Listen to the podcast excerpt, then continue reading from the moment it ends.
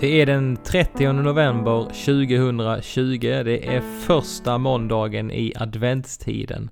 Och du har hamnat på EFS-kyrkan Helsingborgs podcast där vi nu under adventstiden kommer att eh, läsa bibeltexter och be tillsammans på det här sättet. Vi kommer läsa bibeltexter som handlar om Guds advent. Advent som betyder ankomst. Vi kommer alltså läsa bibeltexter som kretsar kring just Guds ankomst. Och vi ska ha med oss tre aspekter av Guds advent, hans ankomst. Det första det är ju att vi vill förbereda oss inför julen, på nytt liksom förundras över vad Gud gjorde när han själv blev människa genom Jesus Kristus. Hur Gud kommer till oss genom Jesus Kristus. Det är ett sätt som Gud kommer till oss. Den andra aspekten det är Guds ankomst i ditt och mitt dagliga liv. När vi vandrar tillsammans med honom för att bli mer lik honom. Hans ankomst i din vardag. Han vill att du ska ta emot honom varje dag när han kommer till dig. Och sen för den, tredje, den tredje aspekten, det är alltså Guds andra ankomst i den här världen. När Jesus ska komma tillbaka. Vi väntar och vi längtar och vi ber kom Herre snart. Men idag så vill jag läsa två bibeltexter för er och börja, vill börja läsa från Saltaren 25. Och där står det så här, en psalm av David. Herre, jag sätter mitt hopp till dig. Du min Gud, jag förtröstar på dig, svik mig inte. Låt inte mina fiender triumfera. Den som hoppas på dig blir aldrig sviken, men den trolöse ska stå där tomhänt. Herre, lär mig dina vägar, visa mig dina stigar. Led mig i din sanning, lär mig, du som är min Gud, min räddare. Ständigt hoppas jag på dig. Herre, kom ihåg din barmhärtighet, den godhet du alltid har visat. Glöm min ungdoms synder, allt jag brutit.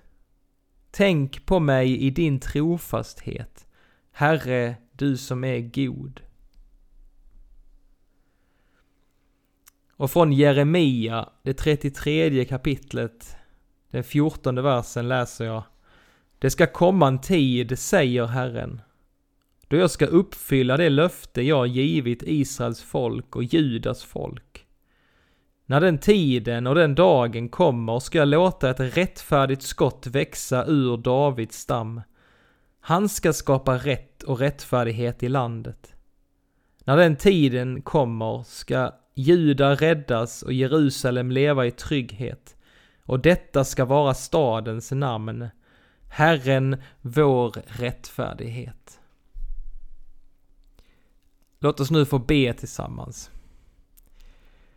Allsmäktige Gud, du ger oss på nytt ett nådens år. Vi tackar dig för det och vi ber, fyll du oss med en längtan efter din stora dag. Så att vi med kärlekens gärningar går Kristus till mötes. Genom honom, Jesus Kristus, vår Herre. Idag så vill vi också be för våra politiker och myndigheter i Sverige som tvingas fatta svåra beslut i den här tiden. Herre, vi ber för dem. Vi ber för eh, alla som står i ledande positioner i vårt land. Vi ber för Stefan Löfven, för hans regering och för riksdagen. Ber att du beskyddar honom, att du leder honom med vishet, och förstånd att se vad som är rätt sak att göra.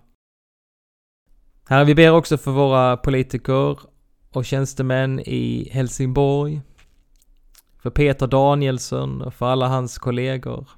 Herre, vi ber för dem att du också ska komma med vishet, du ska leda dem med din barmhärtighet, att få göra det som är rätt för alla människor i Helsingborg. Herre, så tackar vi dig för att vi får eh, ta emot dig i våra liv den här dagen. Hjälp oss att få leva den tillsammans med dig.